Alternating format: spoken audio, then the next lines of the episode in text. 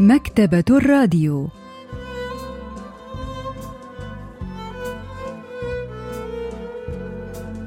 أهلا وسهلا بكم في حلقة جديدة من البرنامج الأسبوعي مكتبة الراديو الذي نستعرض من خلاله كتابا جديدا كل أسبوع.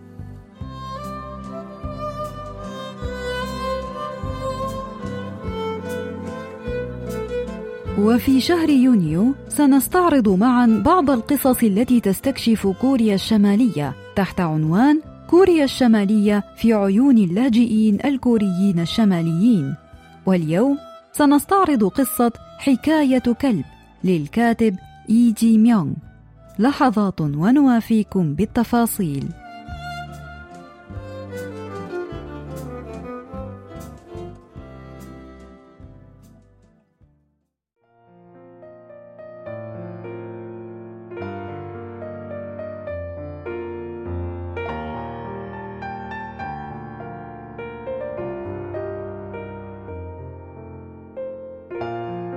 كوريا الشمالية. ذلك البلد القريب للغاية والبعيد للغاية في الوقت ذاته. ورغم أن شعب كوريا الشمالية وشعب كوريا الجنوبية هما عرق واحد فقد ظلا عاجزين عن الاتحاد أو التواصل لأكثر من سبعين عاماً. وفي شهر يونيو سيستعرض برنامج مكتبة الراديو قصصا عن كوريا الشمالية كتبها اللاجئون الكوريون الشماليون. وفي أول قصص هذا الشهر سنستعرض معا قصة حكاية كلب للكاتب إي جي ميونغ.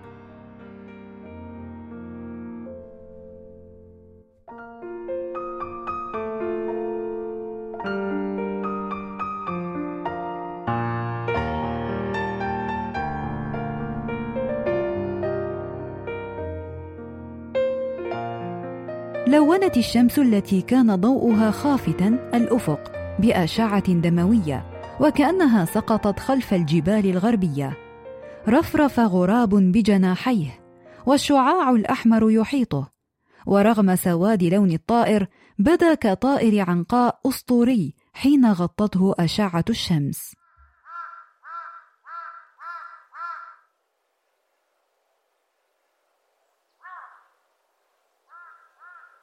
انظر يا صنيل كيف يستطيع ديك أن يطير عاليا هكذا؟ هكذا سأل هيونغمو ابنه وهو يتأمل السماء بينما كان ابنه المراهق يلعب مع صديق له هل تمزح؟ هذا ليس ديكا إنه غراب إي جي ميونغ هو كاتب مسرحي ولد في تشونجين بمقاطعة هامجيونغ بوكتو عام 1953 وقد كتب العديد من القصص والمسرحيات قبل وبعد وصوله إلى كوريا الجنوبية في عام 2004 حكاية كلب هي قصة نشرت عام 2019 بطلها هو هيونغمو والد سونيو وسونيل وهو مشرف الأنفاق في منجم سونجين إلى أين ستذهب؟ هل أنت ذاهب لشراء اللحم؟ ألا تزال تريد اللحم؟ لقد تناولت اللحم مساء أمس أريد أن آكل لحما. إذا لم تشتري لحما سأخبر أمي أنك تشرب الخمر في السوق كل يوم. كيف تشرب بهذه الشراهة؟ وأنت لست أفضل حالا من أي كلب.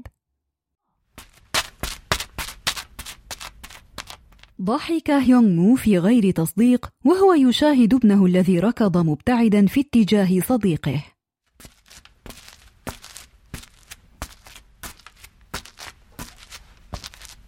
قال صديقه جيهو كيف تدعو والدك بالكلب؟ هذه وقاحة. ليست هذه لهجة مناسبة لحديث الابن مع أبيه. لم أدعه إلا بحقيقته. لا شك أنك نسيت الأخلاق الشيوعية. أبوك ليس صديقك.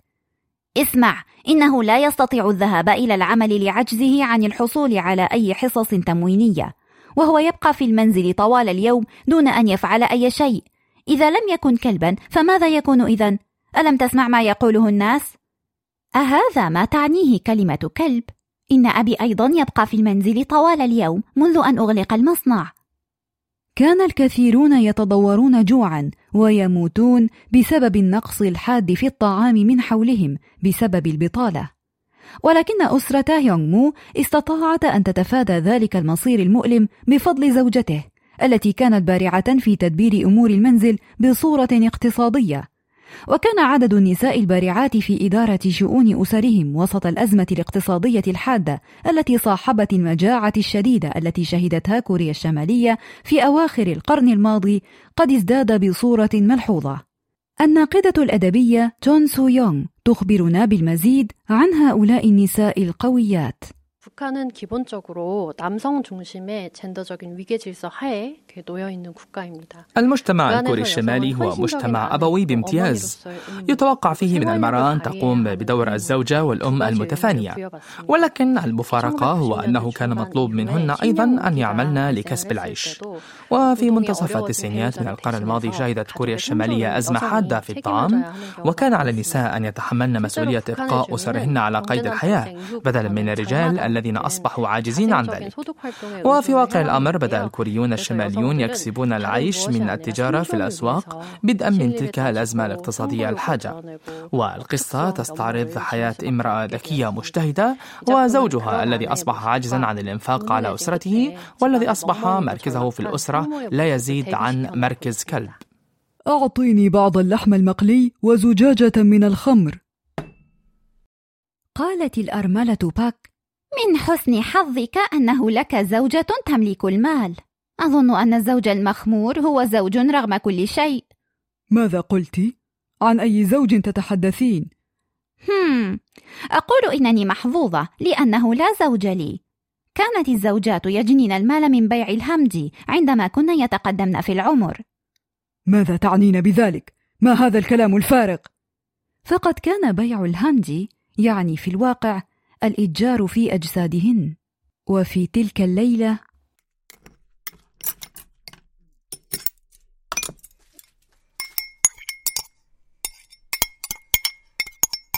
أبي هل تعرف أخت صديقي جيهو؟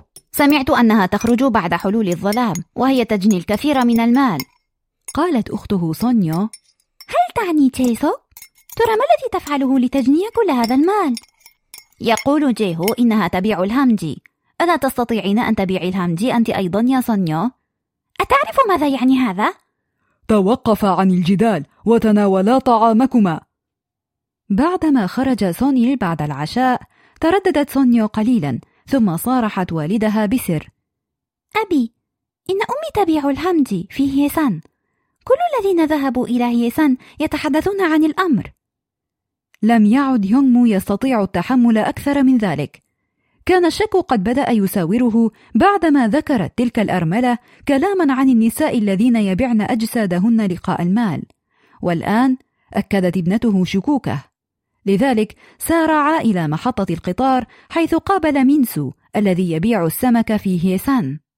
ألا تزال تبيع السمك؟ رائحة السمك تفوح منك. يا له من أمر مثير للشفقة. ماذا تعني بأنه يثير الشفقة؟ أتعلم ما يتطلبه بيع السمك من جهد؟ لا لا أعلم. أنا عامل مناجم ولا تفوح مني رائحة السمك مثلك. لا شك أنك لست جائعا بما يكفي. لا عجب فأنت تتجول في المكان بلا شغل كالكلب. طلب هيونغمو من مينسو أن يصطحبه إلى منطقة هيسان مقابل زجاجة خمر. وبفضل مينسو استطاع أن يتسلل إلى القطار بدون تذكرة أو شهادة ووصل إلى هيسان بعد خمس ساعات.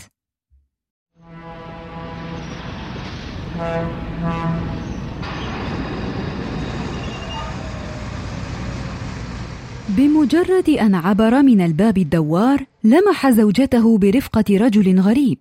تتبعهما حتى وصلا إلى بناية من ثلاثة طوابق في زقاق مظلم بعيد عن المحطة. ضرب هيونغمو الباب بقبضته بقوة فانفتح ثم دلف إلى الداخل. رأى الرجل الغريب وزوجته مع شابة في الداخل. ماذا تفعل هنا؟ أين الأطفال؟ سونيا في الخامسة عشرة من عمرها. لم يعودا طفلين. ولماذا أنت هنا؟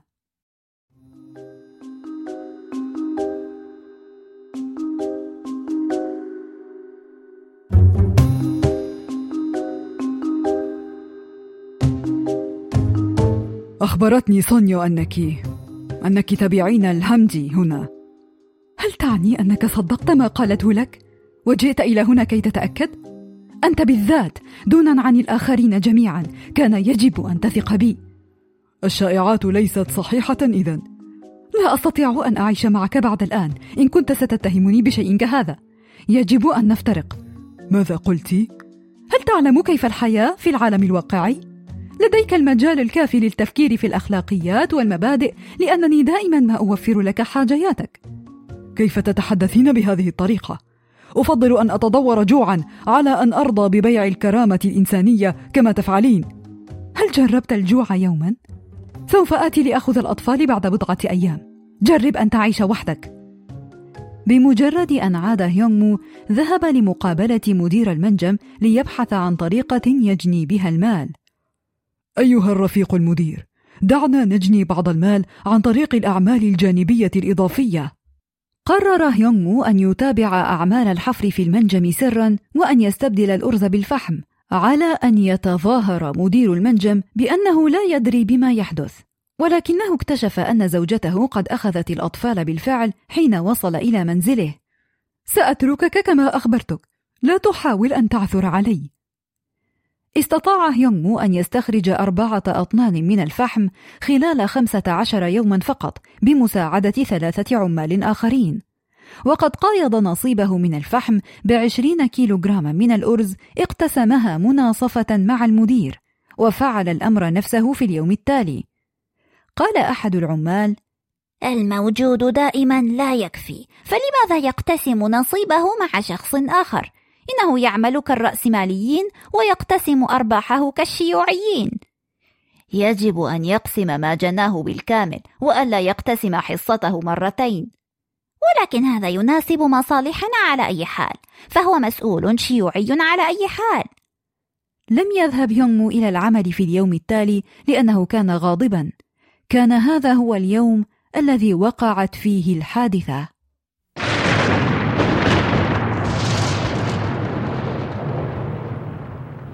انهار سقف المنجم فقتل أحد العمال الثلاثة وأصيب الآخران. ولأن هيونغمو هو المشرف فقد احتجز في مركز الاعتقال وقيل له إنه سيقضي مدة سبع سنوات على الأقل في السجن.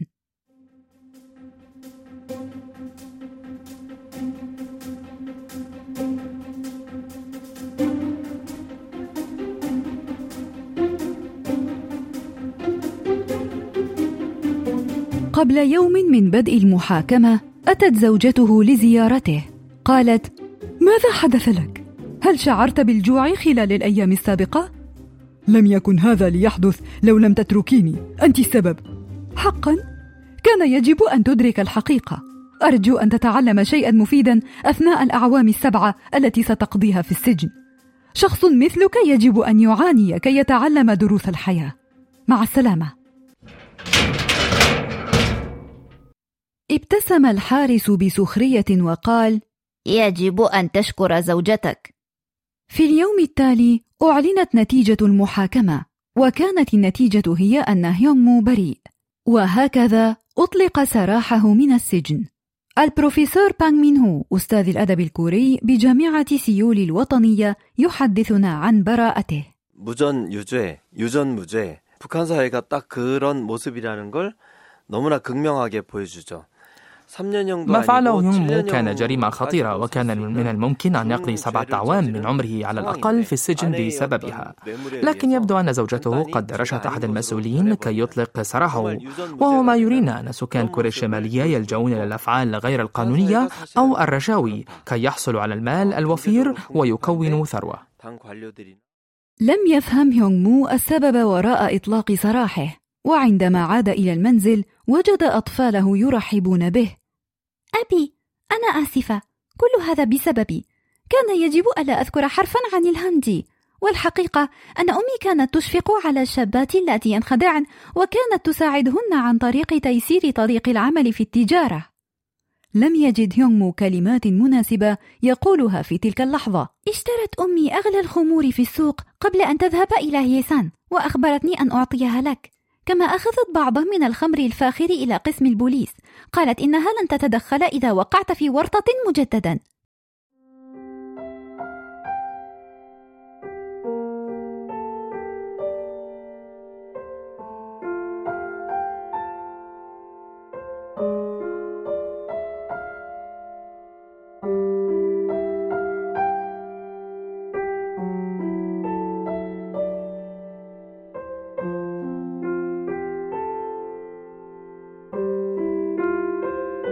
تفكر هيونغمو مليا في فترة تعافيه من حادثة اعتقاله.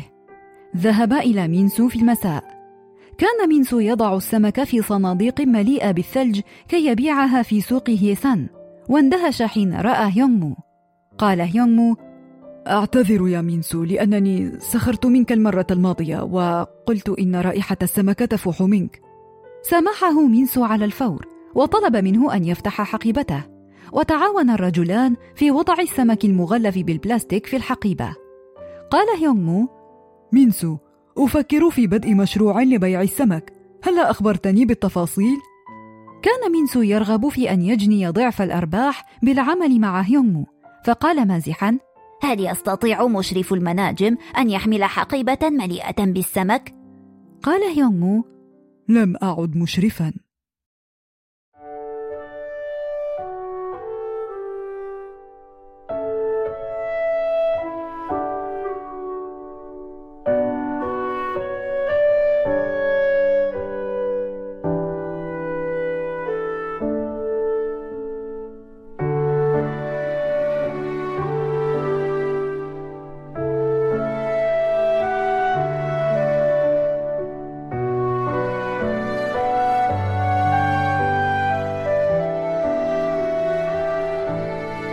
هبطت الشمس تحت خط الأفق كي تصبغ الجبال باللون الأحمر. طار الطائر الأسود مجددا. لمحة واحدة كانت كفيلة بإظهار أنه غراب. غمغم هيونغمو لا شك أن العالم مكان سيء يجلب الكثير من الغربان. ثم تسمر في مكانه. لكن لماذا ظننت أن ذلك الطائر القبيح ديكا في المرة السابقة؟ البروفيسور بانغ مينو أستاذ الأدب الكوري بجامعة سيول الوطنية يشرح لنا مغزى المشهد الأخير وعلاقته بمجتمع كوريا الشمالية. 아내도 돌아오는 시기 되고 또 형부도 풀려 나왔으니까 일종의 해피 엔딩이라고 تناقش القصة حياة أحد أفراد الحزب الشيوعي الذي يعمل مشرفا لمنجم فحم تملكه الدولة وهو يدرك أنه لا يستطيع أن يعتمد على الاقتصاد الشيوعي أو على الحزب كي يجد قوت يومه ويقرر أن يجد طريقا خاصا به يكسب من عيشه تماما كما فعلت زوجته وفي المشهد الأول والأخير يربط البطل غرابا يطير في ضوء الغروب ويختلط عليه الأمر فيظن أنه ديك وهو موقف يرينا حال هونغمو الذي لا يستطيع أن يدرك مدى خطورة موقفه.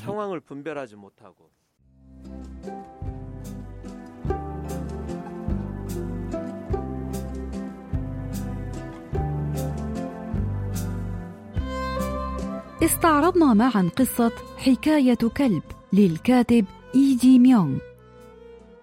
وإلى اللقاء في الأسبوع القادم مع كتاب جديد ومبدع جديد.